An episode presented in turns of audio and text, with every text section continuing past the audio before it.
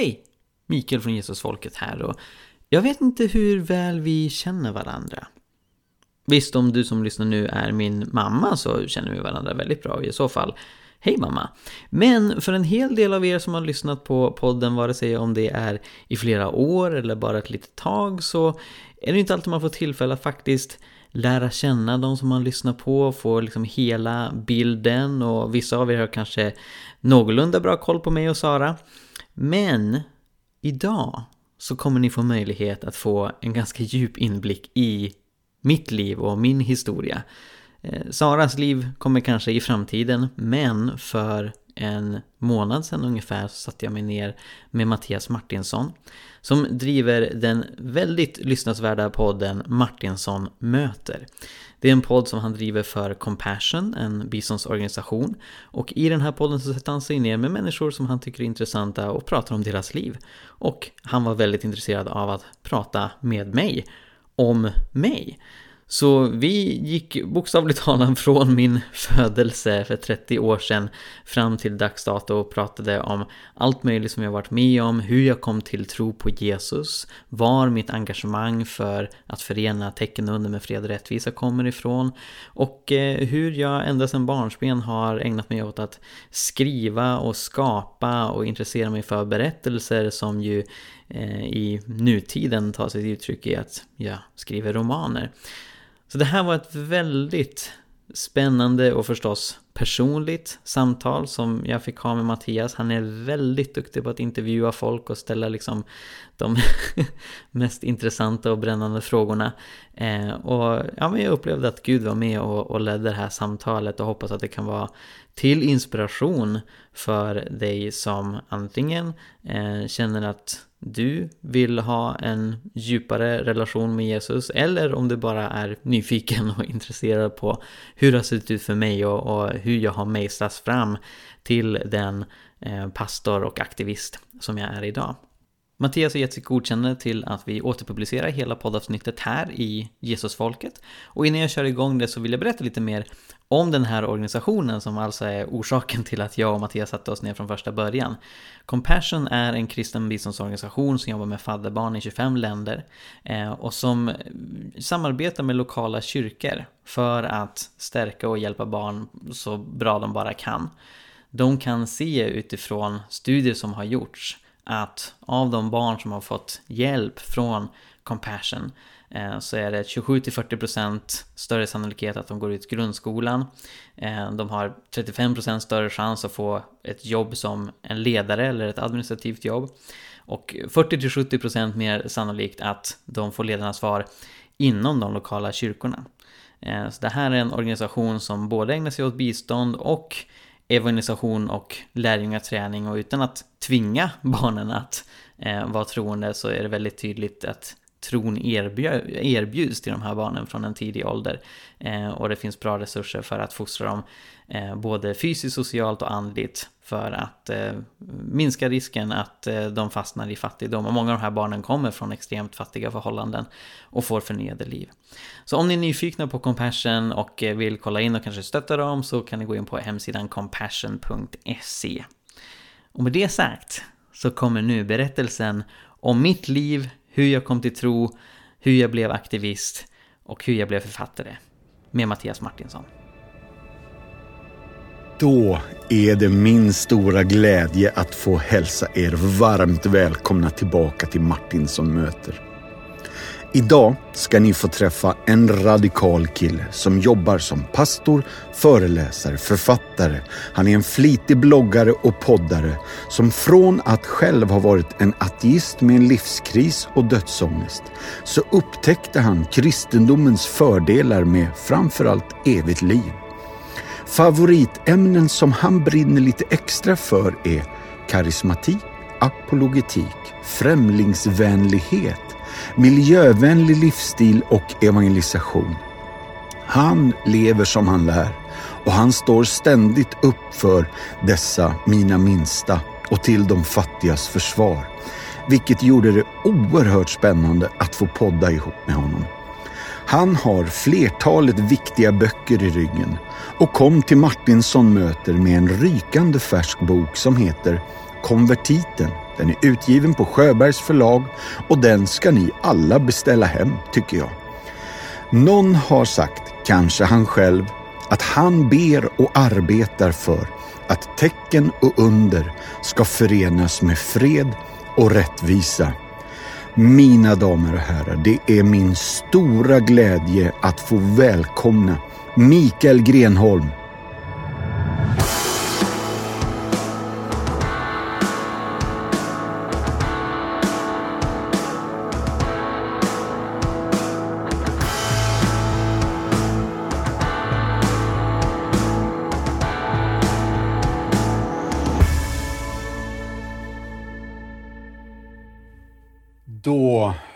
Har ni redan blivit hälsade välkomna. Men då är det för mig den stora äran, glädjen, ynnesten, feststämningen att äntligen kunna hälsa Mikael Grenholm välkommen till Martinsson möter. Tack så jättemycket. Det är inte varje dag man får skänka ynnest till Nej. någon. Nej, Jag känner mig mycket glad. Ja, du, det är så gött att du äntligen är här. Jag har faktiskt laddat för detta länge. Jag har hoppats på att få hit dig och nu är det dags. Ja, det Mm. är det. Du, jag börjar med fem lite snabba sådär då. Är du beredd? Ja. Om du kunde vinna en olympisk medalj för någon sport, eh, riktig eller hittepåsport, vilken skulle det vara? Ja, jag skulle nog inte kunna vinna en olympisk medalj i nuläget Jo, men i, i ja. någon. Ehm, men om det gäller något som jag är passionerad över och vill växa i till den graden att jag skulle kunna säga liksom det här är jag Mm. en av de bästa på i världen utan att drabbas av högmod givetvis. Mm. Ehm, så skulle det vara att ehm, Ja, det, det är lite svårt att uttrycka sig i, i sporttermer. Men det jag verkligen brinner för är att människor ska förstå eh, vilka de är i Guds ögon och ja, men, drabbas av en kärlek större än den här världen. Och jag vill ju liksom i allt det jag gör få vara ett redskap för det. Så eh, den påhittade sporten att hjälpa människor finna sin identitet i Gud skulle jag vilja vinna medalj i. Jättebra svar! Åh, jag blir så glad. Eh, det andra frågan är nog lite lättare att svara på. Hade du något favoritämne i skolan? Ja, absolut. Ehm, egentligen flera. För att jag älskade att skriva berättelser. Och det gjorde att svenska låg väldigt högt där uppe. Men jag tror nog att när jag kom till de lite högre årskurserna och eh, vi fokuserade mer på historia i SO-ämnena, att det blir min favorit. Därför att i svenska så kan man gå iväg till att utforska grammatik och utforska liksom hur svenskan har utvecklats. Och det var jag inte så intresserad av, utan jag var intresserad av berättelserna. Så att jag bestämde mig vid unga år att jag skulle bli historiker. För jag Ja. älskade historia. Om du kunde tillbringa en dag i någon annans skor, vems dojor skulle det bli och varför? Wow. Eh, alltså ett eh, par som jag är otroligt inspirerad av och som jag har träffat några gånger, det är Heidi och Roland Baker i Mosambik. Som är missionärer där och eh, har erfarit eh, helt fantastiska saker, både när det gäller fattigdomsbekämpning och karismatiska erfarenheter. Eh, och, och någon av deras skor, eh, antingen Heidis eller Rolands, Ja. skulle jag vilja vara i någon dag. Riktigt skönt svar. Fråga fyra. Hur kan någon vinna en guldstjärna med dig? Till exempel genom att vara punktlig eller förberedd eller öppna dörren eller städa toaletterna eller bjuda på mat eller köpa blommor. Det här är bara exempel, så Wow. du får ta vad du vill. Ehm, nej men, eh, jag måste säga så här eh, att något som jag verkligen uppskattar och vill, vill dela ut eh, liksom, guldstjärnor till eh, människor runt omkring mig. Ehm, det är när, när de gör ehm, saker som de har åtagit sig snabbt. Eh, och jag tror anledningen till att jag blir så imponerad av det är att jag själv har ganska svårt att göra det. Jag kan liksom säga till någon, ah, men jag ska göra det där och sen så liksom skriver jag upp det på min väldigt långa att göra-lista. Så Mm. tar det ett tag. Eh, och jag blir så imponerad när någon person säger liksom, ah, men jag kan hjälpa till med det där och sen en halvtimme senare är det gjort. Ja. Då, då vill jag ge dem den största guldstjärnan som finns. Ja, men vad fint. Sista nu då. Om du kunde dela en lång trerättersmiddag med fyra individer, nu levande eller döda. Vilka skulle du välja då? Ehm, jag skulle nog fokusera på de döda. Kyrkohistoriker som Mm. Ja. jag är. Ja. Eh, och eh, eh, jag känner inte att jag behöver välja Jesus, för honom pratar jag mycket med ändå. Eh, utan jag skulle, ja, men jag skulle vilja bjuda in Petrus till den middagen.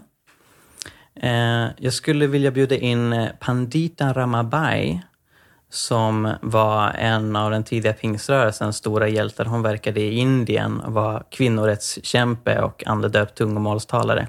Men. Eh, och hennes berättelse vill jag höra Ja. under en, en, en trerätters.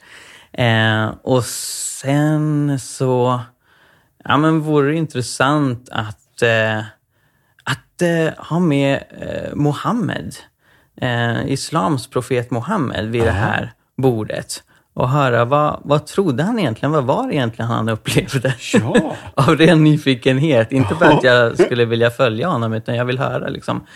Eh, och sen den fjärde personen, någon som jag är intresserad av att veta mer om. Ja, men den fjärde personen är nog definitivt John Wimber, Vineyard-rörelsens ledargestalt ja. som eh, eh, gick hem till Gud innan jag själv var kristen. Eh, men jag har influerats väldigt mycket av honom eh, efter att han dog. Ja, men du. Och jag förstår det. Och det är ömsesidigt. Jag hade så gärna velat ha han vid mitt bord också. Men du, eh, det här är ingen egentlig fråga, men vad tror du att ni skulle äta då? Ja, vad skulle vi äta? Eh, Petrus skulle nog insistera på fisk.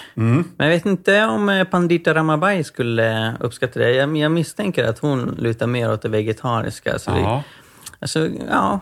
Och, och sen så har vi Mohammed där med det arabiska. Kanske ändå att, att vi når någon kompromiss med någon slags eh, Mellanöstern möter Indien. Ja. Eh, så, som, som alla kan vara nöjda med. John Wimber skulle nog insistera på en hamburgare, men det, det fanns bara någon annan gång. Japp. Ja, bra.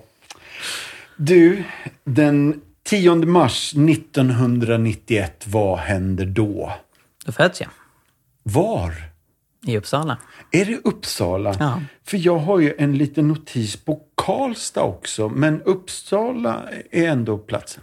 Jag tillhör den ytterst lilla minoritet av Uppsalabor som faktiskt är födda i den stan. Japp. De flesta kommer ju dit när de ska plugga. Va? Japp. Eh, Men de första åtta åren av mitt liv så bodde jag i Uppsala och sen var det då 99 som vi flyttade till Karlstad. Och sen kom vi tillbaka till Uppsala tio år senare. Ja. Så de mer formande barndomsåren, från att jag var åtta till att jag var 18, då bodde jag i Karlstad, var värmlänning. Just det. Det här är ju underbart. Eh, mamma Kristina. Jag heter pappa Karl-Henrik. Jajamän. Är det, stämmer det med Annika, Siri, Peter och Maria och Thomas? Wow, du har koll. Det är Ja, mina men det är syskon. många syskon också. Ja, fem syskon. Yeah. Var är du i ordningen då? Jag är nummer fem.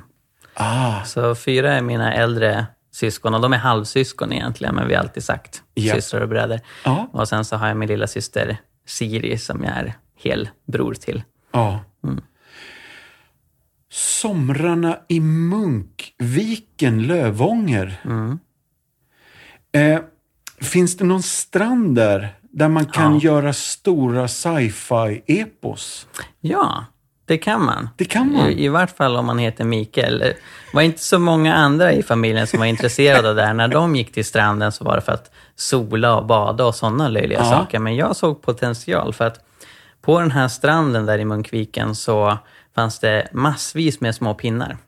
Och det var pinnar i massa olika storlekar och olika material och vissa av dem har liksom mejslats av havet och blivit mycket mjukare. Så att, eh, alltså det, det var ett, ett myller av olika former av pinnar som för mig var unika karaktärer. Ja. Så när vi kom upp till Munkviken i juni någon gång och skulle stanna där i, i åtta veckor, då satte jag igång och leka på stranden.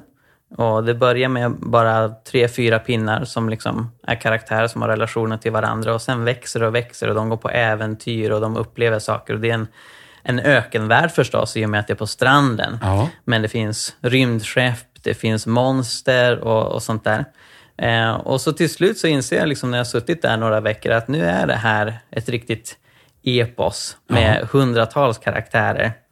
Och det är ju som sagt inte alla i familjen som, som förstår hur viktigt det där är. Ibland får jag liksom bara finna mig att vissa pinnar försvinner eller sådär. Va? Ja. Eh, och då gäller det att förklara det inom själva narrativet. Ja. Jag har aldrig riktigt varit ett barn som leker med en leksak och sen nästa gång jag plockar upp den leksaken så är det något annat, att jag liksom tänker om. Utan allt har en kontinuitet. Ja. Och ganska snart så växer det till att liksom bli en oerhört komplex historia. ja. Blev det nya historier varje sommar? Nej. Nej, det fortsätter Ja. bara. Jajamän. Det här är jättegött. Och eh, det är lite tragiskt att jag inte skrev ner allt det där. Ja. Eh, det kan jag önska så här i efterhand att jag borde ha gjort. För att, eh, men jag minns att det var otroligt komplexa historier med olika familjer som hade relationer till varandra och upplevde olika saker. Så ja, jag hade väldigt kul med min fantasi när jag var liten. Det här ja. låter ju som ett Mandalorian deluxe alltså. Ja, absolut. absolut. Fanns det ett monster som hette Jessie? Ja, precis. Det var hunden. Ja. Eh, så när hunden kom och ställde till saker, Ja. då, då så eh, var det liksom en, en kataklysmisk händelse i, i den stora berättelsen. Du, jag tror att dina föräldrar skilde sig. Och din mammas fästman senare då dog hastigt. Det här var givetvis en avgörande händelse i sig. Men jag tror att den blev avgörande för dig. Kan inte du ta med oss på den här lilla resan? Ja, men verkligen. Så um, mina föräldrars skilsmässa, det var anledningen då till att eh, jag och mamma och min syster flyttade till Karlstad. Ja. Pappa bodde kvar i Uppsala. Eh, och sen fortsatte vi att, besöka pappa förstås. Varannan helg åkte vi dit och det var han som hade sommarstället uppe i Munkviken. Ja. Eh, men det gjorde ju då att, att vi hade mm, två familjer på liksom väldigt eh, tydligt olika platser i Sverige. Eh, sen så lärde känna, mamma känna en eh, man som hon då sen förlovade sig med, Eh, som hette Peter. Eh, och som eh, hade otrolig respekt för mig och min syster. Han ville liksom inte dundra in och låtsas att han var en ny pappa, utan han var väldigt tydlig med liksom att ja, hans relation med oss är en, en speciell relation, med att han älskade oss och ville vårt bästa och sånt där. Så jag hade en väldigt god relation med Peter, tyckte om honom. Men det blev väldigt traumatiskt eh, 21 mars 2006. När mamma ringer mig på skolan och säger Peter är sjuk. Kan du komma hem? Eh, och eh, det var så förvirrande för att eh, ehm, han hade liksom eh, ja, men hälsat på oss den morgonen, liksom sagt lycka till till mig, jag skulle visa upp ett projekt i skolan. Eh, så han sa det, lycka till med det där Mikael. Eh, och det fanns inga yttre tecken på sjukdom. Eh, men det som hade hänt var att han fick en eh, hjärnblödning eh, på jobbet och dog eh, ganska direkt. Ehm, så jag vet inte, jag tror mamma hade liksom fått fel information eller att de inte riktigt visste. liksom så. Men, men han var inte bara sjuk, utan han var död um, redan när hon ringde mig. Så sen jag hade då kommit hem, jag var ensam hemma och sen hör jag hur mamma kommer in genom dörren. Hon gråter jättemycket, eh, kommer upp till mig. Jag höll på att ta ut mina kontaktlinser ur ögonen minns jag. Och så säger hon Peter är död. Eh, och ja, hon eh, eh, var ju helt förstörd. Och jag känner mig förvirrad och eh, rädd. Eh, och det här var vid en tidpunkt när jag själv hade ja, men, en väldigt stark eh, livsfilosofi av att njuta av livet här och nu, att inte eh, bekymra sig för saker, att fokusera på att eh, ha det gott för sig själv. Mm. Eh, vilket i sin tur var en konsekvens av att jag vid det här laget, jag var 15 år gammal, eh, inte hade en tro på Gud. Mm. Eh, trots att båda mina föräldrar är präster. Mm. Och det var inte någon så här öppen rebelliskhet mot dem, utan Gud fanns inte i min världsbild. Eh, och ja, jag tänkte att det enda man kan göra med livet är liksom njuta av det så mycket man bara kan. Mm. Det jag inte hade reflekterat över, det är ju dels att det är en ganska egoistisk livssyn. Jag var inte så fokuserad då på att liksom hjälpa andra människor. Jag ville bara att jag själv mm. skulle ha det bra. Men sen så är det ju så otroligt skört. Därför att ingen kan garantera att man kan njuta av det här livet varje stund. Just det. Utan det här var ju verkligen ett slag i magen och eh, det gick inte särskilt länge från att Peter hade dött tills jag började att eh, reflektera mycket över min egen dödlighet och skrämmas över min egen dödlighet. Mm. Och jag kunde inte ducka för det när det var så tydligt att jag kan dö när som helst. Det kan vara en hjärnblödning, det kan vara en bilolycka, det kan vara en asteroid. Mm. Och även om det mest sannolika är att jag får många år till så finns det ingen garanti för det. Nej. Och, och då kunde jag inte längre ducka för det faktum att jag kommer dö. Kunde du sätta ord på det här också? Eller var det tankar du gick och, och, och processade? Det var ju framförallt tankar eh, som jag inte direkt pratade med någon om. Eh, men det var tankar som kvävde mig. Eh, så under en period av två, tre veckor så gick jag runt och hade nästan konstant dödsångest. Um, och uh, jag kunde inte längre njuta av livet som jag hade bestämt mig för att göra. Mm. Maten slutade smaka, jag kunde inte skratta, uh, färgerna domnade. För allting runt omkring mig var så plågsamt tillfälligt. Det var så flyktigt. Och jag begrep inte hur inte alla människor runt omkring mig kunde, alltså, kunde göra något annat än att vara fokuserade på det största problem vi har. Yeah. Nämligen att döden kommer sluka allting. Mm. Och det finns inga sätt att fly från det.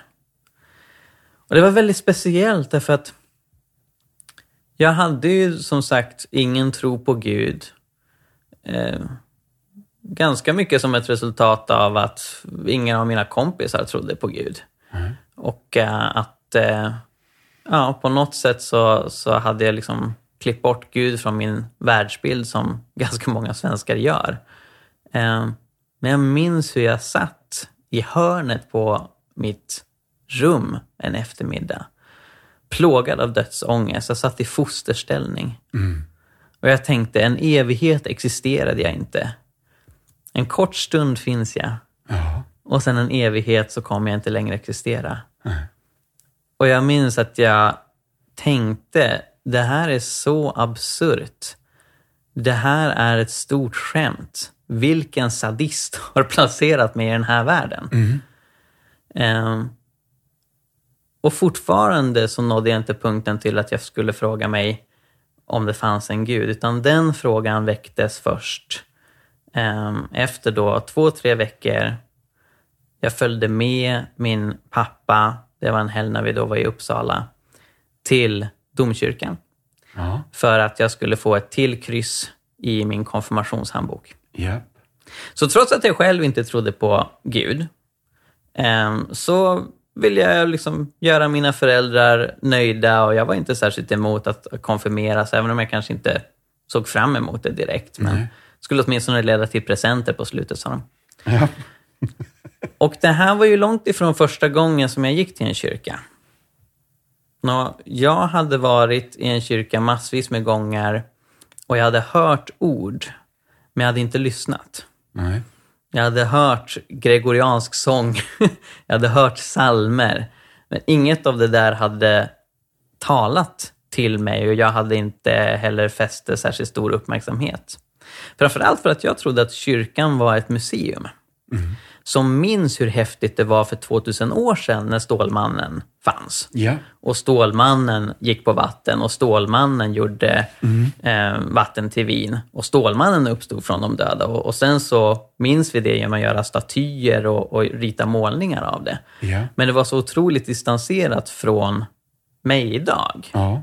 att jag inte riktigt förstod relevansen. Även om det var sant så tog inte jag till mig att det här är ett bud som skulle, som, som skulle ha med mig att göra. Och det förändrades den där söndagen. För för första gången, jag tror någonsin, när jag faktiskt satt i en kyrka så lyssnade jag på vad orden faktiskt säger. Och i Svenska kyrkan så läser man ofta trosbekännelsen. Ja. Så då, när jag tror till och med att jag läste upp trosbekännelsen tillsammans med de andra. Eh, och det hade jag gjort förut också, men som sagt aldrig tagit till mig orden. Men nu gjorde jag det. Vi tror på de dödas uppståndelse och ett evigt liv. Ja. Och när jag hör mig själv säga de orden så tänker jag, om det finns en promilles sannolikhet att det här är sant så är det värt allt. Ja. Jag minns att jag tänkte, det är klart, Gud kan befria mig från döden. Så även om det inte finns något mekaniskt, biologiskt sätt för mig att förhindra att jag dör, för det hade jag försökt kolla upp. Liksom. Kan, Ja. kan jag frysa min hjärna Ja, eller något sånt ja. där? Men jag insåg, det där kommer inte funka. Men Gud kan befria mig från döden.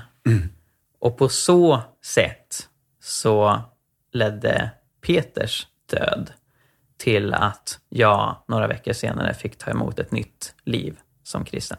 Just det. Åh, ja, det här är så spännande att höra. Eh, du får hjälpa oss framåt med resan här, för nu är vi vid 2006 och eh, du är 15, går in 8, 9. Eh, Ja, om inte sjuan. Sjuan, åttan där någonstans. ja. Mm. Och några veckor senare, säger du, så inträffar den här förvandlingen där du blir född på nytt, som vi säger inom kyrkan. Ja, det... Mm. Ganska snart efter att jag hade varit på den här gudstjänsten, böjt huvudet, tackat Gud för att han vill ge mig evigt liv. Eh, Jag började läsa Bibeln, i synnerhet Johannes evangeliet. Jag Ja. drack det som Jesus säger där om att jag är livets bröd. Och den som tar emot det brödet kommer leva för evigt. Och det var balsam för själen. Men så efter några veckor så började jag tvivla på om det är sant. Ja. Och om det inte var för bra för att vara sant, hur kan jag ens veta att det finns en gud? Och eh, det skrämde mig att behöva liksom, konfronteras med den tanken. För nu såg jag en, en otroligt radikal skillnad mellan den ateistiska och den kristna världsbilden. Där den ateistiska världsbilden inte har ett hopp bortom döden. Medan för den kristna tron så är det ju det eviga livet som är livet som Gud tänkte det. Ett liv utan lidande, utan plåga, utan tårar. Ehm, så ehm, då så satsade jag allt för att försöka få reda på om Gud faktiskt finns. Och jag minns hur jag knäböjde i mitt rum och bad i 20 minuter ungefär. Gud, jag vill se dig. Jag vill inte bara läsa om dig och jag vill inte bara höra om dig. Jag vill se dig.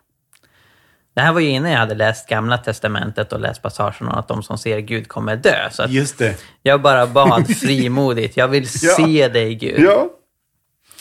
Och det som är så fantastiskt är att även om då Gamla Testamentet säger att om vi ser Gud kommer vi dö för att han är så helig och ren och vi är det inte, så öppnar ju Gud ett sätt för oss att se honom i Jesus. Ja. När Gud blir människa så gör han sig synlig för oss människor. Så efter att jag hade bett den bönen, så när jag skulle sluta ögonen för att sova, så såg jag Jesus framför mig. Och till en början så tänkte jag att det här är ju kanske liksom att min hjärna är inställd på religiös frenesi som gör att jag ser det jag liksom vill se.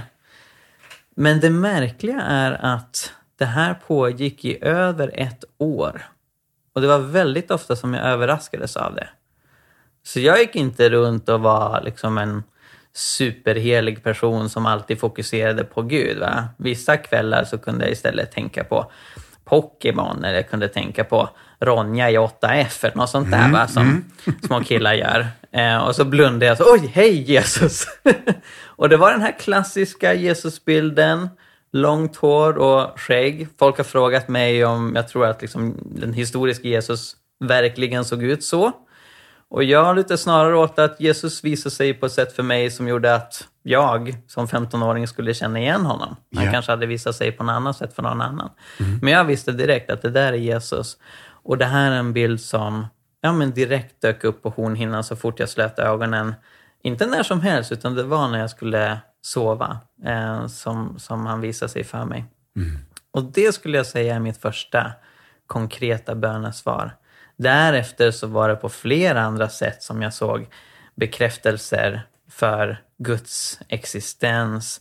Ehm, Allt ifrån att eh, ja, men jag började filosofera lite djupare om universums uppkomst och hur kan eh, allting ha orsakats av någonting utanför tid och rum och, och sånt där. Och det var frågor som jag aldrig hade riktigt ställt mig som ateist. Nej. Men när jag liksom öppnade upp mig åt det hållet så såg jag att det faktiskt finns en stabil grund här för att Gud skulle finnas. Men sen så mötte jag också dels från människor som jag lärde känna i kyrkor i Karlstad och sen också sånt som jag läste i eh, kristna tidningar och kristna hemsidor som jag tog del av.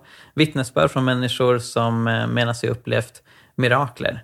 Eh, inklusive människor som varit med på missionsorganisationer ute i Afrika, i Asien och eh, sett fantastiska tillfrisknanden efter bön. Eh, och allt det gjorde att ja, men jag fick bygga upp en mer stabil tro. Och sen kom ju konfirmationslägret där på sommaren. Det var uppe i Skellefteå faktiskt. I samma församling där mina äldre syskon hade konfirmerat sig tidigare, i Skellefteå landsförsamling. Och det var ett jättefint konfirmationsläger där jag också fick mer kött på benen i min tro eh, och eh, ja, kunde starta livet som kristen på en god grund. Jag är så imponerad för när jag, när jag var 14-15, jag växte upp i en kristen familj och, och hade en personlig tro, men jag var inte i närheten av den här analysen och, och frågeställningen som du levde med så tidigt i livet. Eh, för om vi tittar på ditt livsschema 2007 till 2009 så är det något som heter Sundsta Älvkulle gymnasiet och sen är det Katedralskolan Uppsala. Här måste du ju fått både brottningskamper och motargument för det du nu liksom överlät dig till. Absolut. Ja. Absolut. Nej, så det var ju flera i ehm, ja, men de skolor som jag gick på, de allra flesta, som kunde ifrågasätta det jag hade gett mig in på. Ehm, och ehm, frågorna lyftes för att jag såg till att skaffa mig stora kors som dinglade runt halsen så alla skulle se vem, vem som hade Ja. förvandlat mitt liv. Ehm, och, och ja, det var väldigt spännande därför att eh, jag har ju liksom ända sedan början då i mitt kristna liv just ställt de djupa frågorna och det var en av de allra djupaste frågorna som gjorde att jag överhuvudtaget blev kristen, den om min egen dödlighet. Ehm, så ja, jag formades väldigt tidigt att, att inte ducka för viktiga frågor. Eh, och det inkluderar ju också de etiska frågorna. Hur ska jag nu leva som Ja. kristen? Hur ska jag behandla de fattiga? Hur ska jag behandla de utsatta? Ja. Detta måste vi liksom put a pin in, för det här måste vi få återkomma till. Men nu är jag framme vid 2011 eh, och övervåningen på baptistkyrkan i Uppsala. Eh, där eh, utspelar sig någonting som jag tror kallas för kollektivet kollektivet. Ja, Ja. precis. precis. Säg det snabbt. Ja, men verkligen. verkligen. Så vi kom tillbaka till Uppsala när mamma fick jobb på Kyrkans hus. Jag gick eh, sista året i gymnasiet i Uppsala. Eh, och sen så visste jag att eh, när det blir dags att flytta hemifrån så vill jag bo i kollektiv, om inte kommunitet, tillsammans med andra troende. Eh, och där öppnade det upp sig en, en möjlighet. För eh, Baptistkyrkan har sedan många år tillbaka haft en lägenhet som tidigare var pastorsbostad. Men som stod tom. Och då så var det två där i församlingen som lyfte att de skulle vilja starta ett kollektiv. En av dem hade hört talas om mig och att jag letade efter människor att starta ett kristet kollektiv med. Eh, Så då så var vi fem stycken som flyttade in där. Sen så i och med eh, att Uppsala är en studentstad och att vi var studenter som bodde där så var det mycket rullians. Ja. Så vissa bor där några år och flyttar ut och andra kommer in och sådär.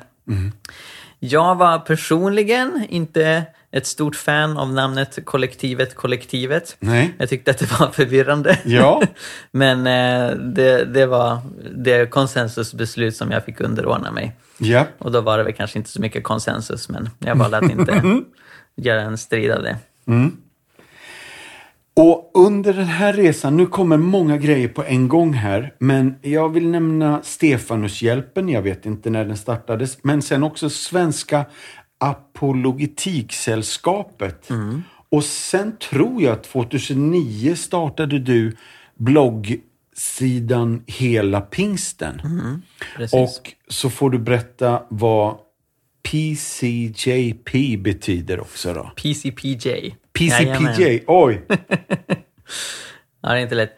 Um, nej, men hela pingsten startade jag 2009 Ja. på självaste pingstdagen. Yeah.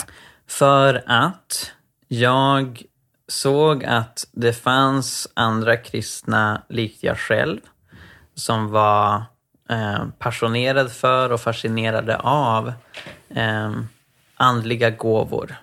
Saker som profetiska tilltal och bön för helande och sådana saker. Men jag såg att en hel del av dem inte var så passionerade för fred och rättvisa och miljöengagemang. Just det. Så då när jag vände mig till kristna sammanhang som betonade fred, och rättvisa och miljöengagemang, då såg jag att där var man inte särskilt passionerad särskilt ofta för de karismatiska gåvorna och för mirakler. Nej. Så där var det som att det var en eh, klyfta. Och det jag fann så intressant var att båda lägren hänvisade ofta till samma bibeltexter. Inklusive Apostlagärningarna kapitel 2 som beskriver den första kristna pingsten. Eh, och eh, i den texten så finns det då både verser som talar om tungotal, om mirakler, om profetier. Och så finns det verser som talar om att hjälpa de fattiga, om egendomsgemenskap, utjämna klyftor mellan de som har mycket och de som har lite. Ja. Och eh, det budskap som jag ville skicka med hela pingsten var att eh, det här är samma text, det är samma pingst. Ja. Låt oss inte ha halva pingsten utan hela pingsten. Bra! Eh, så det så började jag blogga då eh, 2009.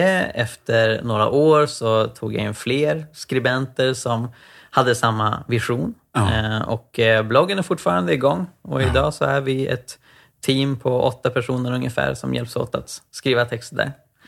Eh, och i ungefär samma veva så upptäckte jag PCPG som då är en internationell organisation och förkortningen står för Pentecostals and Charismatics for Peace and Justice. Ja. Så jag hörde av mig till dem och jag sa, jag har precis samma vision som er och jag är jättetaggade på det ni gör. Och de svarade och sa, ah, toppen, välkommen med. Sen efter några år så märkte jag att ingenting hände i den organisationen. Så jag skrev ett mail och sa, okej, okay, jag har sett att ni inte uppdaterat er hemsida på ett tag och jag kan jättegärna hjälpa till. Tre år senare fick jag ett svar. Och sa, hej, ja, det har inte hänt så mycket här. Vill du bli content creator för oss? Ja. Ja, det vill jag. Ja. Eh, så då så eh, började jag engagera mig där då och producera material och är idag eh, redaktör för hemsidan och, och webbansvarig. Och så. Sen så nämnde du Stefanushjälpen. Ja. Och det är en organisation som jag och några vänner startade 2014 för att hjälpa utsatta EU-migranter som befann sig i Uppsala. Eh, som framförallt kommer från Rumänien, några kommer från Bulgarien. Eh, och det här var människor som vi såg var väldigt missförstådda och föraktade. Och eh, eh, Vi såg också att det fanns många människor som ville hjälpa dem men inte visste hur. Eh, och pengar i koppen liksom känns otillräckligt. Eh, vi såg också förstås att det fanns andra orga- organisationer, inte minst Uppsala Stadsmission, som gjorde mycket gott för den här gruppen. Eh, men på grund av deras strukturer och eh, hur de fungerar så ehm, ja, men fanns det fortfarande behov som vi såg att vi kunde gå in i. Inte minst för att kunna vara lite mer flexibla och jobba lite snabbare än vad Stadsmissionen kunde. Just det. Så då så startade vi det och eh, började hjälpa en hel del familjer. Vi prioriterade barnfamiljer, för det fanns en del sådana i, i Uppsala. Ja. Eh, hjälpte dem med eh, bostad, söka jobb, skola för barnen, SFI eh, och sånt. Och, och det har varit en fantastisk resa. Jag är inte längre kvar i styrelsen utan har överlåtit det till andra. Eh, men det har varit en fantastiskt formande erfarenhet. Och parallellt med detta så tror jag att du 2013 till 16 pluggar på Johannelund. Eh, Heter det TOS eller? Det kanske inte heter. När det hette Johannelunds teologiska högskola. Ja. Så där så läste jag teologi. Det var efter att jag redan hade kommit in och nästan gått klart freds och utvecklingsstudier på Uppsala universitet. Ja. Ehm, för att eh, jag ville lära mig mer om fattigdomsbekämpning. Jag ville lära mig mer om eh, internationellt bistånd. Ehm, men sen så, medan jag gick det programmet så kände jag att eh, jag behöver läsa teologi också. Jag tror att när jag skulle göra liksom valet direkt efter gymnasiet, vad ska jag plugga? Så tänkte jag lite högmodigt, ja men Bibeln kan jag ju redan. Teologin kan jag ju. men jag vill verkligen ta reda på hur man bekämpar fattigdom. Ja. Eh, men men eh, jag insåg efter ett tag att det är nog bra om jag läser teologi på riktigt. Och det är jag glad att jag gjorde. Du, 2015 åker du till Lapplandsveckan och någon människa behöver ett boende i Uppsala och du träffar en tjej på den där Lapplandsveckan. Yes, på Lappis 2015 så träffade jag Sara, som numera är min fru. Yeah. Eh, Jag var där med PMU, så jag sommarjobbade den sommaren med att eh, montra för dem på olika eh, läger och händelser, inklusive Dala-Lapplandsveckan, för att samla in månadsgivare. Ja. Eh, Så jag vänder mig till Sara och frågar om, eh, om, hon, om hon känner till eh, Panzisjukhuset i Kongo och Dennis Mukweges arbete där. Och det här var innan han blev Nobelpristagare. Ja. Hon kände till det minsann. Ja. Jag minns inte så mycket detaljer i det samtalet. Sa- Sara minns det bättre än mig. Men det var första gången vi träffades. Sen så stötte vi på varandra i Uppsala för då hade hon flyttat dit för att plugga nationalekonomi. Just det. Så vi träffades när jag eh, stod och montrade, inte för PMU utan för Pannkakskyrkan. Eh, och eh, pratade lite mer och sen så några månader senare så dök hon upp i min församling i Mosaik i Just Uppsala. det. Eh, och beslöt sig för att gå med i församlingen. Ja. Hon beslöt sig också för att engagera sig i pannkakskyrkan och i Stefanushjälpen. Och dessutom så hakade de på då ett projekt som jag och några vänner hade satt igång som heter Jerusalemprojektet. Som har som syfte att starta en kristen kommunitet. Så det ledde ju till att vi sågs tre, fyra gånger i veckan. Det här var ju en jättesmart taktik av henne. Ja, det var nog ingen taktik från, från någon av oss faktiskt. Det kanske var en taktik från Guds sida. Ja, det är bra. För att vi insåg ju att eh, vi passar bra ihop. Vi har liksom samma längtan, samma intressen. Ja. Vi vill bygga oss gemensamt. Vi båda kände väl i synnerhet för det här att vi hade kommunitetsplaner ihop att det skulle vara lite känsligt att gå in på en romantisk linje. Ja. Men till slut, liksom, efter flera månader av att vi hängde med varandra så mycket så var det ganska oundvikligt. Så jag tog upp det och hon sa att hon har tänkt samma sak. Och sen så efter en vecka så var vi ett par. Och, och någonting väldigt vackert som hände där, utifrån det jag berättat tidigare. När vi då hade dejtat i en vecka, även om Sara inte ville kalla det dejta, så vi sa att vi lär känna varandra med tydliga intentioner. Då samlades vi för gudstjänst i vår församling Mosaik. Och vi sa att vi lär känna varandra med tydliga intentioner. Men vi vill inte att vi ska bli tillsammans om Gud inte vill det. Så vi vill höra en Guds vilja i det här. Så vi ber församlingen att be för oss. Och medan de gör det, så för första gången på över tio år så ser jag Jesus när jag, när jag har slutna ögonen. Samma Jesusbild som jag hade haft när jag hade bett bönen i mitt pojkrum, jag vill se dig Gud. Kom igen. Och det var första och hittills enda gången sen den första perioden som jag såg Jesus på det sättet. Och jag förstod direkt vad han menade. Han hade gett mig den bilden som en bekräftelse av eh, mitt livsval att bli kristen. Och nu gav han en sån bekräftelse för mitt val att bli tillsammans med Sara. När jag tyckte att det var ganska svårt att dela det här med Sara. Du vet det här, Gud har sagt till mig att vi ska gifta oss, hela Just den det, grejen. just det. Ja. Eh, Så jag var lite orolig men, men lyfte lite försiktigt att jag upplevde någonting när de bad. Och jag vill inte att du ska känna en press över det här. Utan, Men, men jag, jag tror ändå att det kan vara bra att jag delar det här. Och hon var så nyfiken. Vad var det du såg? Och jag sa som det var. Och hon hade då hört min berättelse. Och, och när hon hade hört versionen, då var det ju... Jag har bara liksom sett Jesus på ett enda... Liksom, jag, jag har bara sett Jesus så.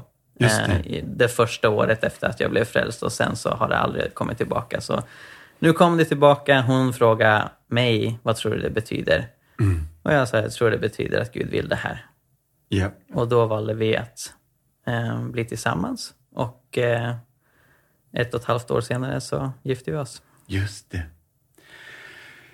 Du, det här är så hjärtevärmande. är det här en eh, teknik du rekommenderar alla som vill bli ihop med någon?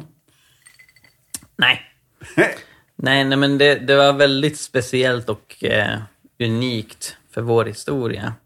Och det är det som är så häftigt, hur, hur Gud kan leda för att Sara, hon hade flera år tidigare bestämt sig för att hon skulle aldrig gifta sig. Hon ville inte det. Eh, utan hon tänkte att liksom hennes kall är att eh, leva i celibat för Jesus. Och det är hon ju inte den första att vilja i historien. Ehm, men det var tre stycken personer, helt oberoende av varandra, som sa Gud har en man för dig. Och första gången blev hon irriterad. Och andra gången så blev hon arg. Vad är det här?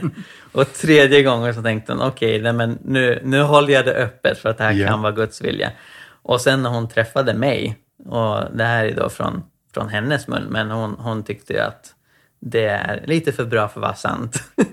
för att jag på så många plan som jag beskrev delade hennes intressen och eh, passion och, och livsriktning. Ehm, och det var ganska få människor hon hade stött på dittills som, som eh, hade det på det sättet. Och då så ja, kände hon sig trygg att satsa på det här. Jättefint alltså. Jag är helt med dig. Det här är eran story och den äger ni. Jag kan inte låta bli att berätta. Jag gissar att du känner till en man som heter Kjell Sjöberg. Ja, När han skulle få skjuts som ung predikant i, jag tror det var norra delen av Sverige, så hamnar han i framsätet på en bil. En kille ska skjutsa honom och det sitter tre tjejer i baksätet. Och Kjell sätter sig i bilen, vänder sig om till en av dem och så säger han Jag tror att Gud har sagt att vi ska gifta oss. och då säger den tjejen, jag vet. wow. Mm. Wow. Så här kan man ju inte rekommendera folk att göra. Nej, absolut. Utan absolut. det är vad det är. Ja. Men det är så fint att det är så olika. Ja. Men ändå liksom, ja, det fin- alla vi har en resa. Verkligen. Ja, det är bra. 2016 startade du en podd som heter Mm. Jesusfolket. Jag tror du startade den med Johannes Widlund. Det stämmer. Ja. Vem är Johannes? Johannes är en mycket god vän till mig. Som, har Som, skrivit eh, en bok, va? Jajamän, han har nyligen kommit ut med boken God jord. Ja. Som delar namn med den organisation som han och jag och Sara var med och startade för några år sedan. Just Sen har Johannes varit mycket mer engagerad i den organisationen än vad jag och Sara har varit. Eh, inte minst i egenskap av ordförande. Eh, Johannes är en fantastisk människa med så många gåvor. Han har skrivandet och talandets gåva, han har musikens gåva. Är fantastiskt duktig musiker. Eh, och eh, han var en av dem som bodde i kollektivet Kollektivet Ah. i flera år tillsammans med mig. Ja. Och vi hade ju jättemånga spännande teologiska samtal där om kvällarna som kunde sträcka sig långt in på natten. Eh, Så jag sa till, till Johannes att vi måste ju starta en podd och dela med oss av våra tankar. Japp. Så att fler kan få ta del av de här samtalen. Eh, Så vi satte igång den podden eh, och sen så efter ja, ett drygt halvår så, så kände Johannes att han inte längre hade tid. Men vid det laget så hade jag lärt känna och till och med blivit tillsammans med Sara. Eh, och då så eh, tog hon eh, över eh, rollen som min sidekick, där i Sidekick. podden. Ja. Så att, eh, den podden driver vi fortfarande. Verkligen. Och eh, det är jätteroligt att få bidra till. Ja. Jättebra. Podden Jesusfolket helt enkelt. Ja, Ja. och tanken Finns- är att vi både eh, täcker då bibelfrågor och, och teologiska frågor, men även samhällsfrågor. Ja. Eh, och just den här kombinationen med andlighet och engagemang för en bättre värld är något som ligger på våra hjärtan och också gör intervjuer med människor och gör en liten mix av intressant material för folk som vill växa i lärjungaskap eller är nyfikna på hur lärjungaskap till Jesus kan se ut. Just det. Och ni har en wide range av ämnen i hela den här poddresan så det finns mycket att lyssna in för den som vill. den Mm, absolut. finns där poddar finns. Jajamän. Nu är jag framme vid en bokrelease. Mm. 2016, Jesus var också flykting. Mm. En viktig bok i en oerhört angelägen debatt som Mm. du skrev tillsammans med Stefan Svärd. Precis. Bara lite kort nämn om det där. Ja. Eh, vi upptäckte att det inte fanns särskilt mycket skrivet alls, på svenska åtminstone, om migrationsteologi. Nej. Eh, Trots att Bibeln inkluderar hundratals verser om invandrare och flyktingar. Alltså det är inte en fråga där Bibeln duckar på något sätt. Nej. Utan Bibeln är oerhört intresserad Ja. av att diskutera hur vi ska hjälpa människor som flyr, hur vi ska hjälpa människor som migrerar och hur man ska behandla människor som migrerar. Ehm, Så ehm, vi skrev Jesus var också flykting, dels för att då belysa vad Bibeln säger, dels för att kommentera den aktuella samhällsdebatten eh, och eh, också göra en kyrkohistorisk översikt. Eh, Stefan Svärd skrev ett jättebra kapitel om eh, hur kyrkorna hanterade nazismen på 30-talet. Både kyrkor i Tyskland men också hur hanterade kyrkorna i Sverige Ja. det som hände i, i Tyskland. Och Tyskland var ju då ungefär som USA är för Sverige nu. Alltså det var den riktigt stora kulturella och även religiösa influensen. Ja. Så vi undersöker hur det såg ut då, drar paralleller till nutiden. Vi granskar populära argument som eh, fortfarande används eh, mot att ta emot flyktingar. Eh, både eh, liksom kristna eller bi bibeldoppade argument så att säga, bibelverser som används eh, för att argumentera mot migration. Eh, men också ekonomiska argument och politiska argument och sånt där. Så att eh, både jag och Stefan har eh, teologisk och även eh, statsvetenskaplig träning. Stefan mycket mer än mig i och med att han är doktor i stats statsvetenskap. Och jag har läst lite freds och utvecklingsstudier. Men utifrån de kompetenserna så, så ville vi liksom föra det samman och argumentera för att eh, den kristna kyrkan ska vara välkomnande och välsignande gentemot flyktingar. Yes. Det här är så bra alltså. Eh, det året så tror jag att det finns en plats som du åker till och nu ska vi se om jag kan säga det här. Kettering, Northamptonshire. North, Northamptonshire. Northamptonshire. Ja, just det. Det ska gå lite fortare på slutet. UK och Jesus Army i åtta månader. Ja. Du åkte dit och eh, listade in som soldat. Ja, icke-våldslig soldat, tack och lov. eh, och det var väldigt speciellt. Jag flyttade till England då eh, och det var aldrig tänkt att vara permanent utan det skulle vara eh, ett år var tanken. Eh, bara några veckor efter att jag och Sara blev tillsammans. Så vår, vår eh, relation blev ganska direkt ett distansförhållande. Hon kom och besökte mig, jag kom och besökte henne, men det blev väldigt mycket Skype. Långt innan pandemin så levde vi våra liv på Skype. Ja. Men anledningen till att jag åkte dit var att eh, Jesus Army, eller Jesus Fellowship Church som var det mer officiella namnet, hade praktiserat eh, egendomsgemenskap och kommunitetsliv i 40 år. Då. Ja. Eh, eller mer än 40 år. Alltså, det var en kyrka som eh, hade sitt ursprung i eh, Jesusrörelsen på 70-talet. Och eh, en liten baptistförsamling eh, i eh, Northamptonshire hade drabbats av väckelse. Eh, de eh, drabbades av den helige Andes närvaro. Eh, människor blev helade och upprättade. Eh, och eh, de kände att det här är inte någonting som vi tycker ska vara slut vid en viss tidpunkt och så går man hem till sina separata hem. Vi vill leva i det här. Och man gick till bibeltexterna, man såg hur den första församlingen hade egendomsgemenskap och levde nära varandra. Och de sa, vi gör så. Så de köpte upp en, större, ett större hus eh, och eh, började leva kommunitetsliv där. Och sen köpte de ett hus till och ett hus till. Och efter ett tag köpte de ett hotell och startade en jättestor kommunitet där. Eh, Så när jag åkte dit så hade de ett 40-tal kommuniteter, det var totalt 300 pers som var del av en egendomsgemenskap tillsammans.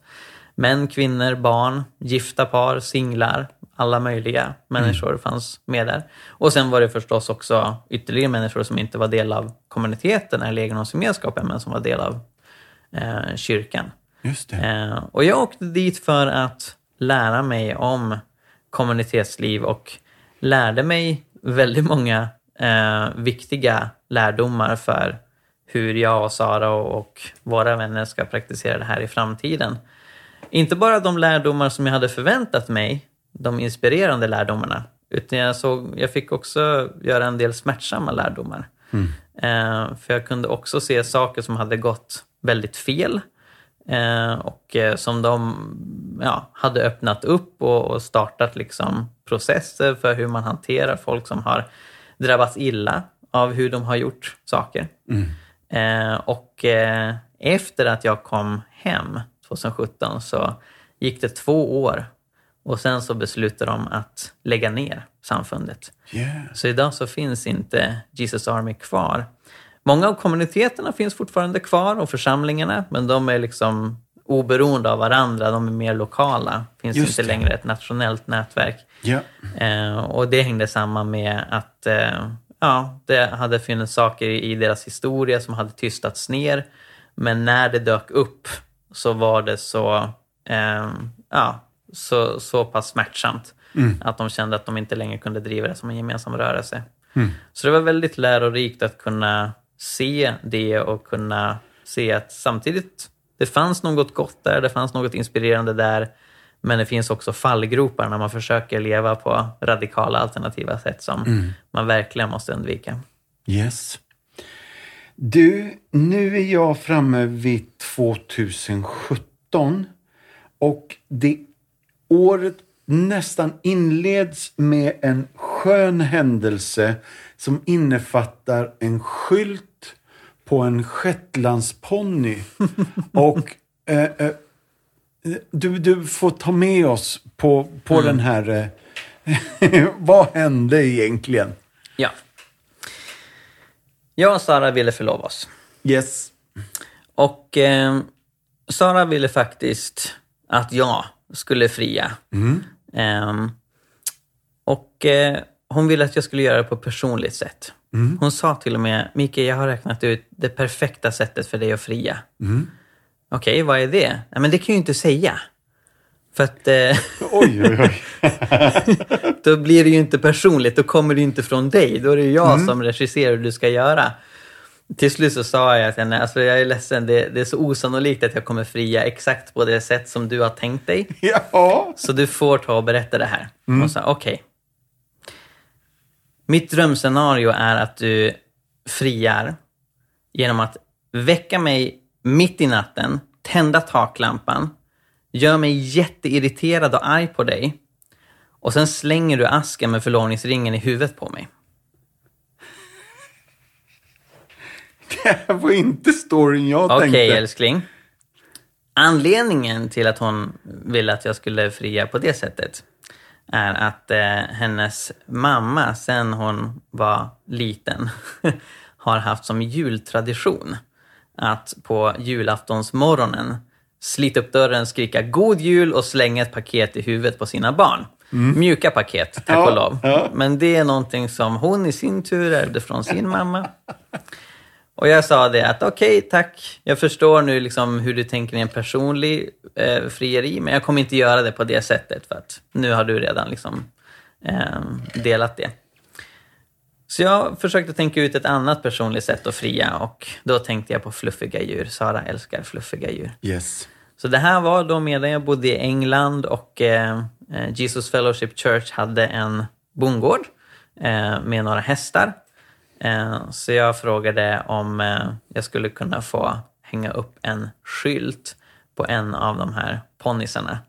Eh, där det står “Vill du gifta dig med mig?” eh, Och det fick jag. Sen gällde det att lura ut Sara där, så jag sa att vi ska liksom besöka bondgården och kommuniteten som finns där och se hur, hur de har det. Och vid det laget hade vi redan besökt kanske 10-12 liksom, kommuniteter som de hade, så det i sig var inte så konstigt. Men Sara anmärkte så att ja, men det var väldigt vad tid det tar, för jag liksom sa åt henne, du får sitta och vänta här. För, mm, alltså, det var lite problem med att få ponnyerna på rätt ställe där de skulle vara. Men till slut fick jag ett sms att ponnyerna är på plats, ni kan komma hit. Så då sa jag, då går vi den här vägen och, och Sara misstänkte lyckligtvis ingenting. Så jag leder henne fram, hon ser ponnyerna och hon står där och stirrar. Hon säger, va? och, och liksom, jag förväntar mig något svar, liksom, för det står på skylten på hästen, vill du gifta dig med mig? Men jag får inget svar från henne, så då säger jag, vill du gifta dig med mig? Nej! Vill du inte? Jo! Men hon var så otroligt så tagen.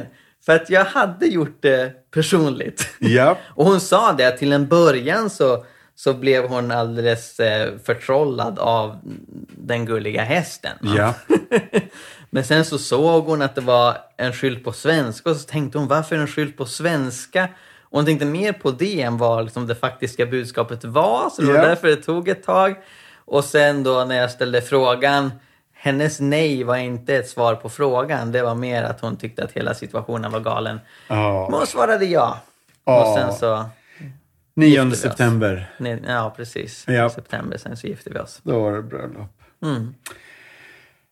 Om vi raskar på lite så tror jag att den 4 november blev ni pastorspar i Mosaik. Ja, Ja. precis. Ni tog över efter Hans och Lotta Sundberg. Ja, Mm. exakt. Och Hans och Lotta har betytt så otroligt mycket för mig. Det förstår jag. Ehm, jag var först med i en annan församling när jag kom till Uppsala, men sen så upptäckte jag mosaik. Och eh, första gången jag var, jag där så gjorde jag ett skolprojekt eh, för religionskunskapen på gymnasiet. Skulle jämföra tre olika gudstjänster och mosaik var den i särklass märkligaste. På den tiden, 2010, så möttes Mosaik i en före detta pub som drevs av Bolivianska föreningen i Uppsala. Underbart. Eh, En diskokula i taket. Ja. Och bara det här att eh, man hade fika mitt i gudstjänsten och att man kunde ställa frågor eh, till den som predikade. Allt det var revolutionerande för mig. Så jag blev kär i församlingen och gick sen med eh, några veckor efter mitt skolprojekt. Och Hans och Lotta formade mig oerhört mycket och eh, har hjälpt mig på så många sätt. Ja, och det var en sån stor ära att få frågan för dem där eh, om, om vi ville eh, bli de nya föreståndarna eh, för. Mosaik. Eh, så ja, det, det har varit en eh, fantastisk resa med församlingen och eh, då i egenskap av att leda den. Men vi har också varit väldigt tydliga med att vi leder Mosaik tillsammans och att det inte handlar om en eller två personer som eh, ska göra allt möjligt utan att vi eh, finns med som de yttersta ansvariga men att vi hjälps åt och vi är många som formar den här mosaiken av Jesu ansikte som vi tänker oss. Eh, och det är en fantastisk gemenskap med så många underbara människor som jag tycker så mycket om. Japp, det förstår jag. Parallellt med allt detta församlingsarbete så tror jag också att du pluggar 2018-2021 en master i teologi på Uppsala universitet. Och den pluggar jag fortfarande. Yeah! En master i kyrkohistoria. Ja. Så är mitt uppe i uppsatsarbetet. Skriver om eh, vapenvägran i pingströrelsen och hoppas bli klar med den uppsatsen om några månader. Du, nu måste vi ta några minuter och eh, berätta lite. För 2019 kom boken Dokumenterade mirakler ut. Eh, bara hjälp oss lite med vad det här var, eller vad det är fortfarande. Och kanske då också termerna voteb och votub. Yes. Ehm, jag blev fascinerad över mirakler redan efter att jag hade kommit till tro som 15-åring. Och att människor menar sig erfara mirakler var en stark anledning till att jag kunde känna mig trygg i att okej, det borde finnas en gud. Men efter några år så började jag tvivla även på det. I och med att eh, det mänskliga minnet är bristfälligt, att eh, människor kan ljuga eller överdriva. Så 2011 så började jag undersöka om det finns exempel på när läkare har verifierat att en människa blir frisk efter bön på ett sätt som vetenskapen inte kan förklara. Ja. Och jag började samla ihop eh, en hel del sådana exempel. Eh, Det finns en gammal bloggpost på hela pingsten som är 6000 ord lång eller något sånt där. Ja. Vilket är ganska långt för ett blogginlägg. Eh, med massa exempel då på eh, läkarverifierade helanden. Ehm, och eh, sen så återvände jag till den här frågan flera år senare därför att jag har varit mycket ute på stan och pratat med människor. Både i församlingen Mosaik, men också genom Pannkakskyrkan som är ett ekumeniskt evangelisationsinitiativ. Och jag överdriver inte när jag säger att jag har pratat med över tusen människor som eh, inte tror på eh, Gud eh, de senaste tio åren. Eh, för jag har varit ute väldigt mycket. Och då har jag ju förstått att det är många av dem som är skeptiska som just frågar, precis som jag själv gjorde. Ja. Var är bevisen? Om det nu är så fantastiskt att Gud kan gripa in och göra mirakler, då borde det gå att dokumentera. Och jag insåg att det här eh, extremt långa, krångliga blogginlägget, det lönade sig inte så mycket att hänvisa till. Då.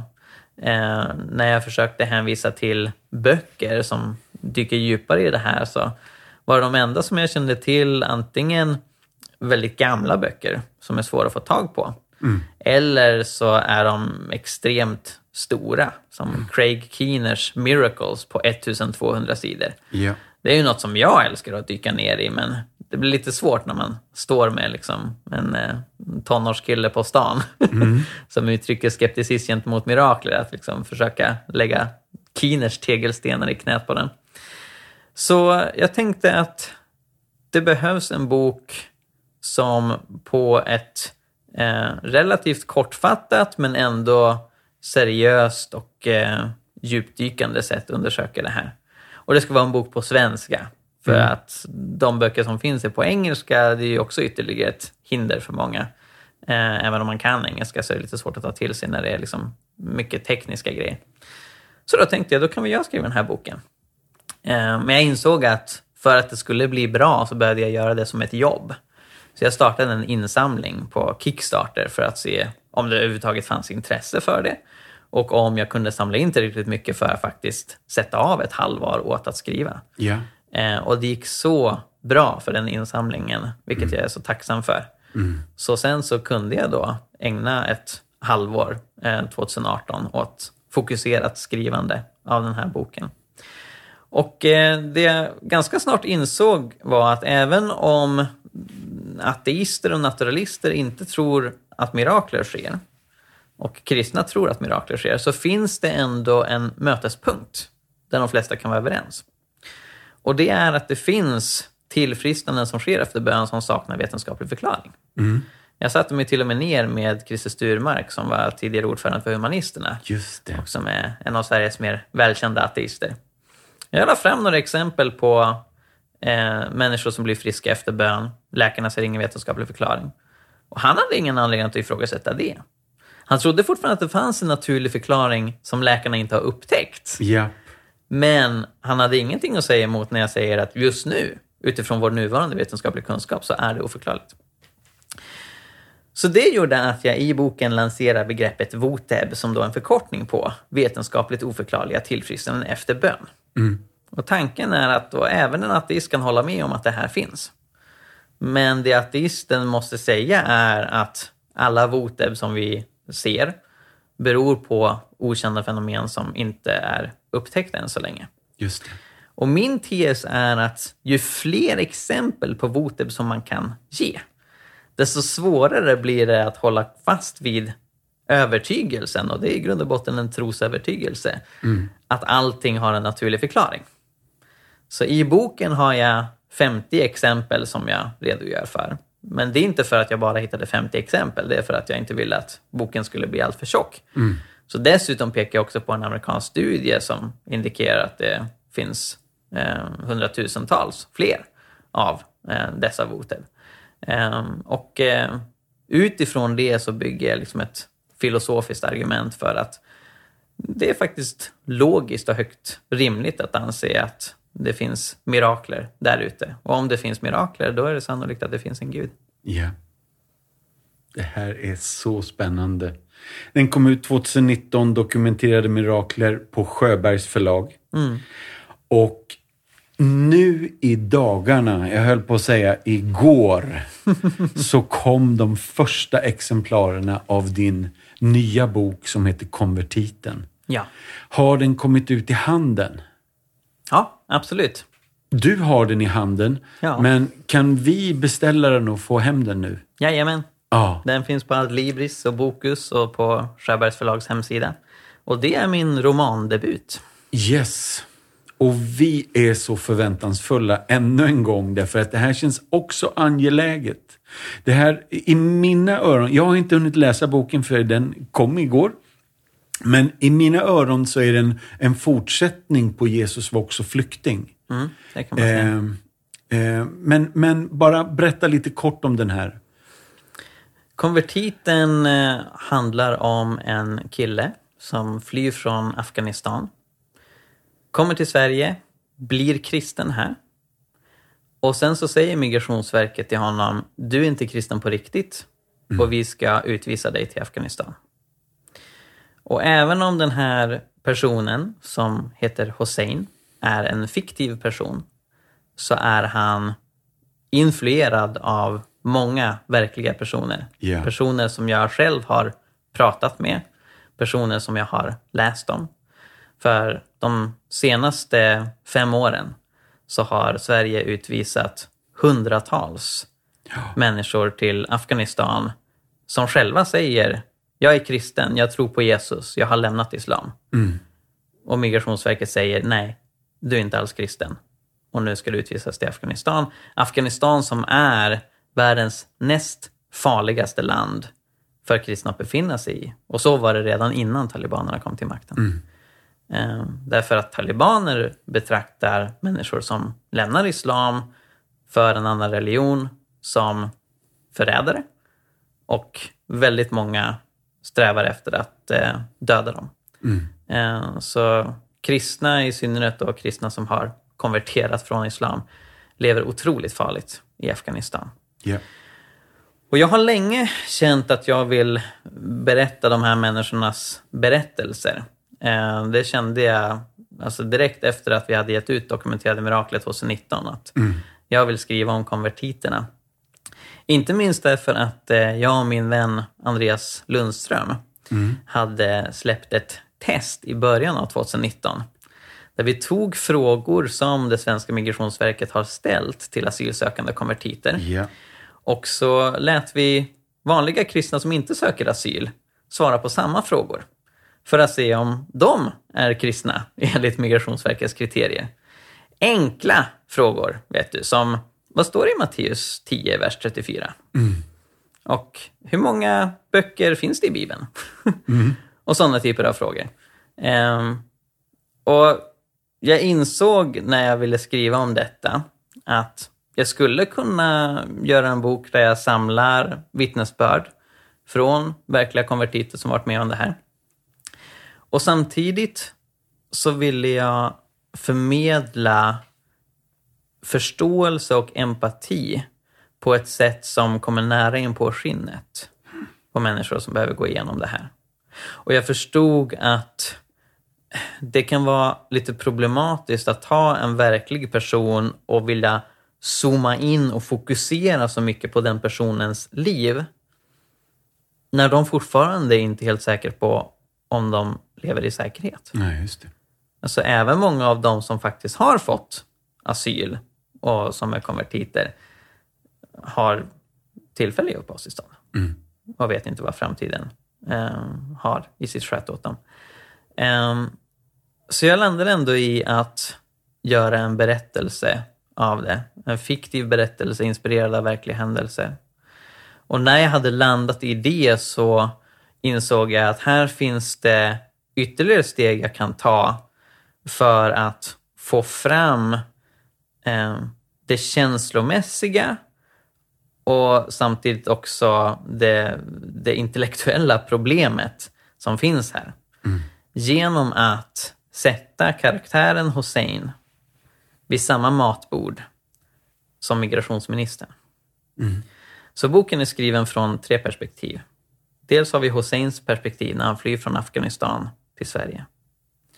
Sen, det andra perspektivet är Helenas perspektiv, som är migrationsministerns dotter, som lär känna Hussein, blir förälskad i honom och sen tvingas stå mellan sin kärlek till Hussein och sin kärlek till sin far, som är migrationsminister, står upp för Sveriges linje att ja, om eh, konvertiter inte kan svara på dessa frågor så är de inte genuina och ska utvisas.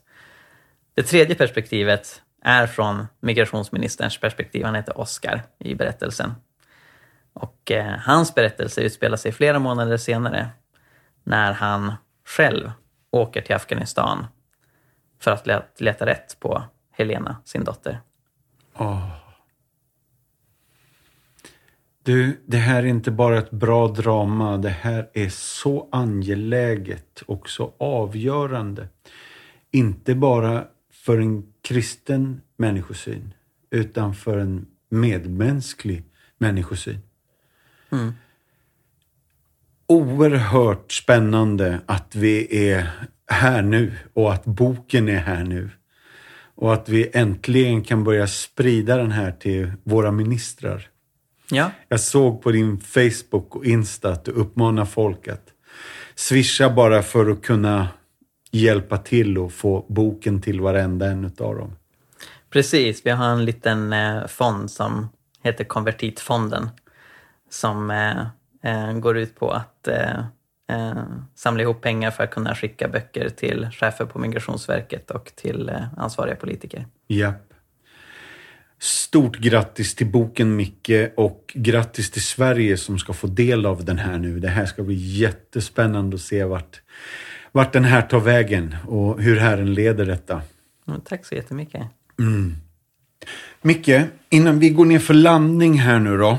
Ehm, eh, eh, om jag heter Mattias, vilka färger har mitt namn?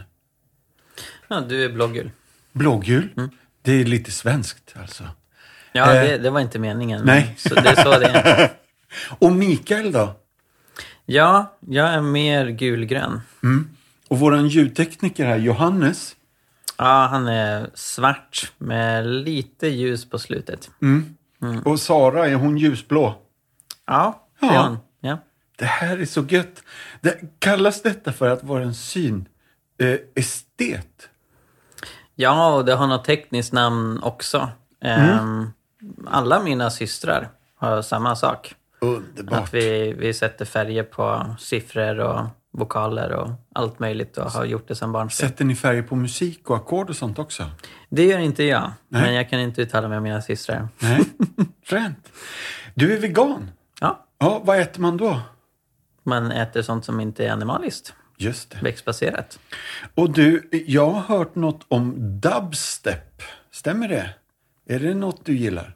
Ja, jag gillar dubstep, det gör inte min fru. Nej. Så det får jag lyssna på när jag har hörlurar på mig. Ja. Eh, jag har skrivit en eh, dubstep-sång som heter Jesus Church. Som eh, jag hoppas få spela in någon gång i framtiden. Mm. Och du, om jag har en stor rund tallrik.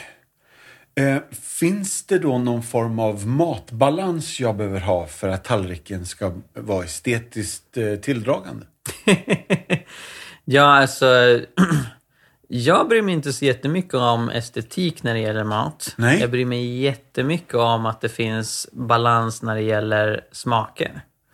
Eh, och eh, jag, jag gör det på ett eh, extremt sätt, men ett sätt som, som är fullt naturligt för mig. Japp. Eh, så att jag har eh, ja, men, ungefär exakt samma mängd på varje sak som finns på tallriken i varje tugga genom hela måltiden. Vilket gör att när någon annan äter lite från min tallrik så, måste pajar jag om, balansen. omkalibrera. Ja, precis. Ja. Eh, och eh, jag vet inte hur man äter på något annat sätt. Jag har alltid gjort det och kommer nog alltid att göra det. Det här är jättemysigt. Jag smälter. Har det hänt att du har varit på Nyhemskonferensen och gått och bett om några fler chips därför att eh, din eh, tacostallrik inte riktigt funkar som den skulle? Ja, exakt. det är så gött! Tack för att du delar. Du, nu ska vi gå ner för landning här. Sista frågan och jag är medveten om att jag säger fel när jag säger nu ska vi gå ner för landning. För den sista frågan är kanske det jag upplever är någon utav dina starkaste bidrag till kyrkan. I din persona, i din i, i hur du beskriver och uttrycker och hur du lever din tro, hur du inkarnerar den i vardagen. Ehm, om jag försöker omformulera det som en fråga, jag vet inte ens hur jag ska ställa det, men, men, men jag brukar fråga de flesta poddgästerna ungefär så här. Hur ska vi utrota fattigdom? Och då har de flesta Eh, svårt att svara. Ja. Ehm, och det är en jättestor fråga. Det är en fråga som är enklare att ställa nu än någonsin tidigare i mänsklighetens historia. Ja, Ehm, för att vi har potentialen att göra det. ja, Ehm, och vi har haft det under stora delar av 1900-talet också. Så den största anledningen till att eh, fattigdomen finns kvar i världen, det är att det finns krafter som vill ha kvar den. Och det är ju framförallt de som lever på de fattigas bekostnad. ja. Så det som behövs är en mer rättvis värld.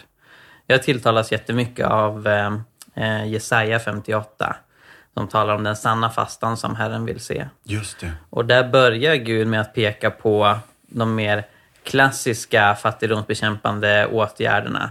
Ge mat till den hungrige och ge kläder åt den nakne. Men sen så går Gud över till att prata om att de orättfärdiga bojorna ska krossas och det förtryckande oket ska tas av.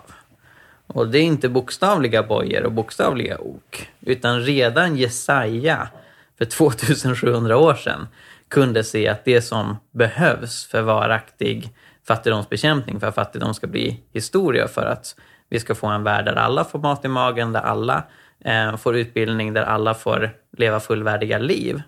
Det är att vi bryter ner orättfärdiga strukturer som synd, alltså vi i vår synd som, som mänsklighet har byggt upp för att de rika och privilegierade ska vara separata från de fattiga. Det allra första steget där är att se varandra, att lyssna på varandra. Eh, och att, att inte låta sig skiljas eh, från varandra. Eh, men det kan ju inte bara sluta där. Det är som Jakob, Jesu bror, säger.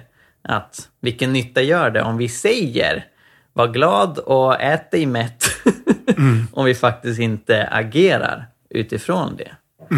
Eh, och där är jag förstås otroligt inspirerad av Jesus och den tidiga kyrkan. Det var de som öppnade mina ögon för detta. Eh, innan jag var kristen så reflekterade jag inte så mycket över det här. Men eh, en händelse då i min ungdom när jag läste Jesu ord till den rike unge mannen. Gå och sälj allt vad du har och ge till de fattiga. Och så efter att jag läste bibelordet så plockade jag upp Aftonbladet. Och där är en krönika om världsfattigdomen. Om de, då var det en miljard, människor som, en, en miljard människor som lever på mindre än en dollar om dagen. Ja. Nu är siffrorna lite annorlunda, men det är fortfarande eh, hundratals miljontals människor som lever i extrem fattigdom. Eh, och eh, det finns ingen naturlag som säger att det är så. Eh, och, och vi har haft tillgång till resurser i många årtionden för att få bort det. Eh, utan det som behövs, det är en värld där vi inte isolerar oss från varandra, där vi inte bygger murar mellan varandra, där vi inte eh, i rädsla för varandra försöker eh, parasitera på varandra och leva på andras bekostnad. Utan det som behövs är en enad värld där människor i den rika privilegierade delen av världen som Sverige ingår i eh, gör mer uppoffringar, lever enklare, lever hållbarare för att faktiskt hjälpa människor i resten av världen. Och det kräver förändringar på massa olika plan. Men det är en kamp som, som egentligen är, är eh, samma kamp som omställningen till ett eh, mer klimatvänligt hållbart samhälle.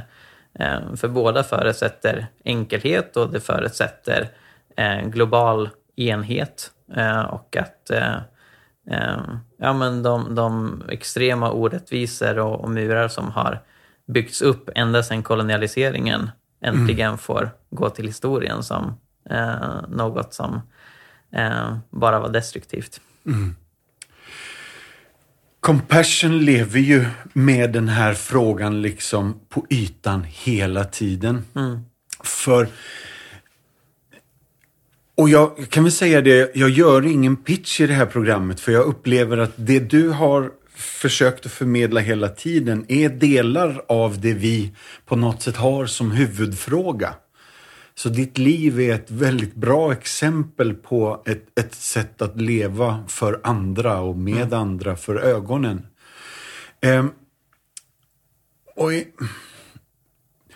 för oss så är det i Markus 16 och 15 gå ut i hela världen och förkunna evangelium. eh, som, är, som är grejen på något sätt. Eh, och vi i första hand inte tycker att vi tar, vi tar hand om 2,1 miljoner fadderbarn. Men vi tar inte hand om 2,1 miljoner fadderbarn. Utan de växer och mognar och lär sig, utbildar sig och tar hand om sig själva. När vi ger dem det de ska ha. Det, det som är deras rätt och rättighet.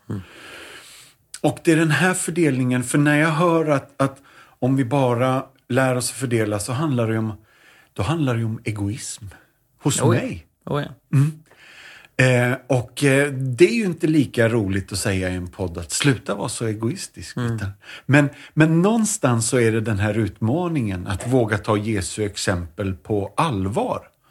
Och se hur, hur förverkligar vi de här principerna nu då? Ehm, för jag har ju, alltså jag såg en video senast igår. Ehm, barn vars liv var utdömda och de har fått fadderskap i 6, 7, 8, 9, 10 års ålder. Och nu är fadderskapet över. De är själva utbildade och har egna familjer och har själva fadderbarn. Och berättar eh, eh, i den här berättelsen som jag såg så är det några av dem som sitter och skriver brev till sina faddrar. Där de säger Jesu kärlek genom dig förvandlade mig. Och inte bara att mitt liv räddades utan jag förstod att mitt liv, nu är tillbaka till din inledande tanke. Liksom. När, när du, ateisten, 15 år gammal, förstår att är det bara det här? Nej, mitt liv har ett mycket större, ett högre himmelskt syfte. Ja, nu sitter jag här och pitchar i alla fall. Men, men du, eh, någon, är det någon mer tanke? Är det något kring det här du skulle vilja, det här måste vi säga innan det är slut för idag? Om fattigdomsbekämpning Ja. eller rent allmänt? Nej, men gärna om fattigdomsbekämpning. Nej men eh, utbildning är en otroligt viktig faktor. Och det jag tror vi ganska oundvikligen kommer se är hur många människor i det som vi kallar utvecklingsländer kommer resa sig, Mm. ha mer utbildning, att de kommer formulera strategier och lösningar som eh, människor i västvärlden inte har tänkt på. Eh, och, och kan hjälpa sina egna samhällen genom det. Eh, Men det gör inte västvärlden överflödig utan det eh, finns jättemycket som vi kan göra för att stötta utbildning, för att stötta kvinnor i synnerhet, kvinnor och flickor. Att få Ja. de resurser som de behöver för att eh, ja, kunna bryta orättfärdiga bojor i sitt sammanhang. Eh, och naturligtvis att stötta demokratiseringsprocesser, att ge människor resurser att påverka sin omgivning.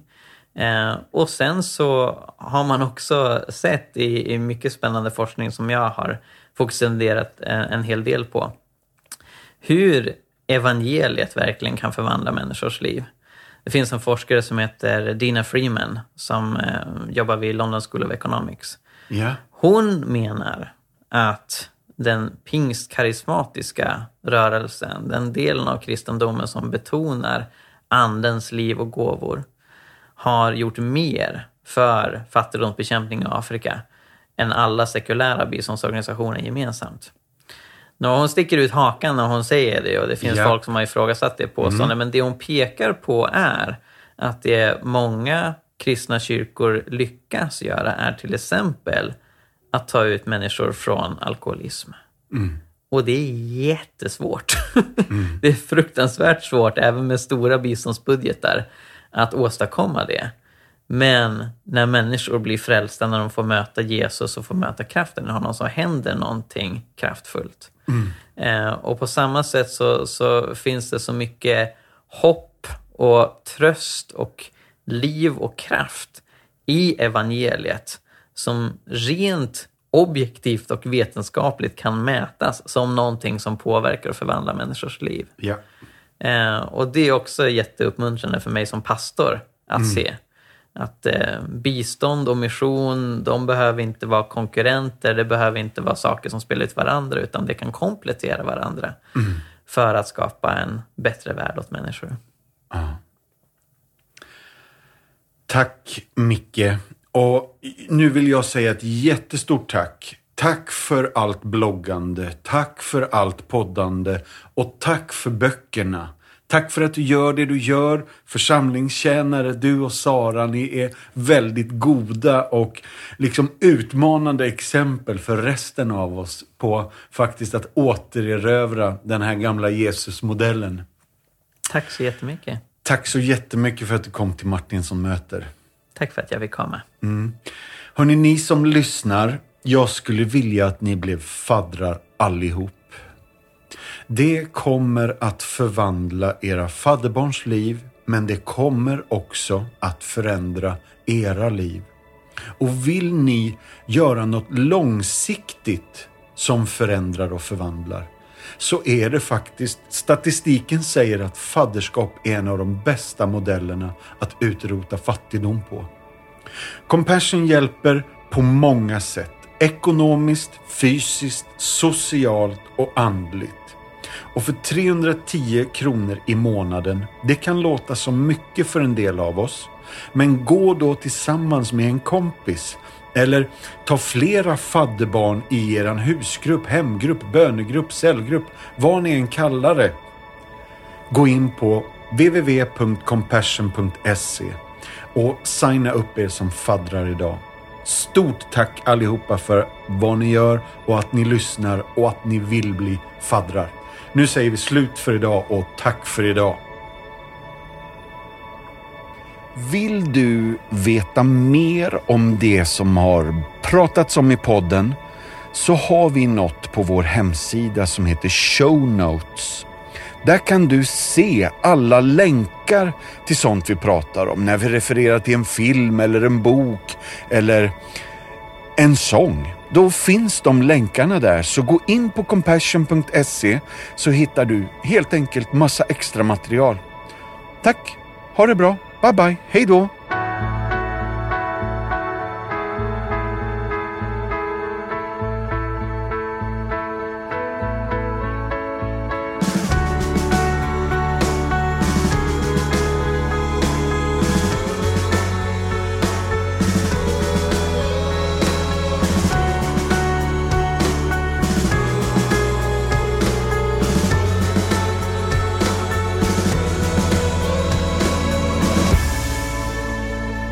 Tack mycket för att du lyssnar på Jesusfolket. Om du vill höra mer så se till att prenumerera på iTunes, Spotify eller valfri podcastapp. Du kan också lämna en recension, vilket är en eh, liten grej att göra som hjälper oss väldigt, väldigt mycket, så det uppskattar vi verkligen. Ehm, du kan också läsa vår blogg, Hela Pingsten. Vi har mängder med artiklar där om andens gåvor, evangelisation, fred, rättvisa och allt möjligt annat som har med lärjungaskap att göra, så kolla in det. Och vi finns på sociala medier, du kan följa både Jesusfolket och Hela Pingsten på till exempel Facebook. Tack så mycket, Gud välsigne dig och eh, fortsätt vara en del av Jesusfolket.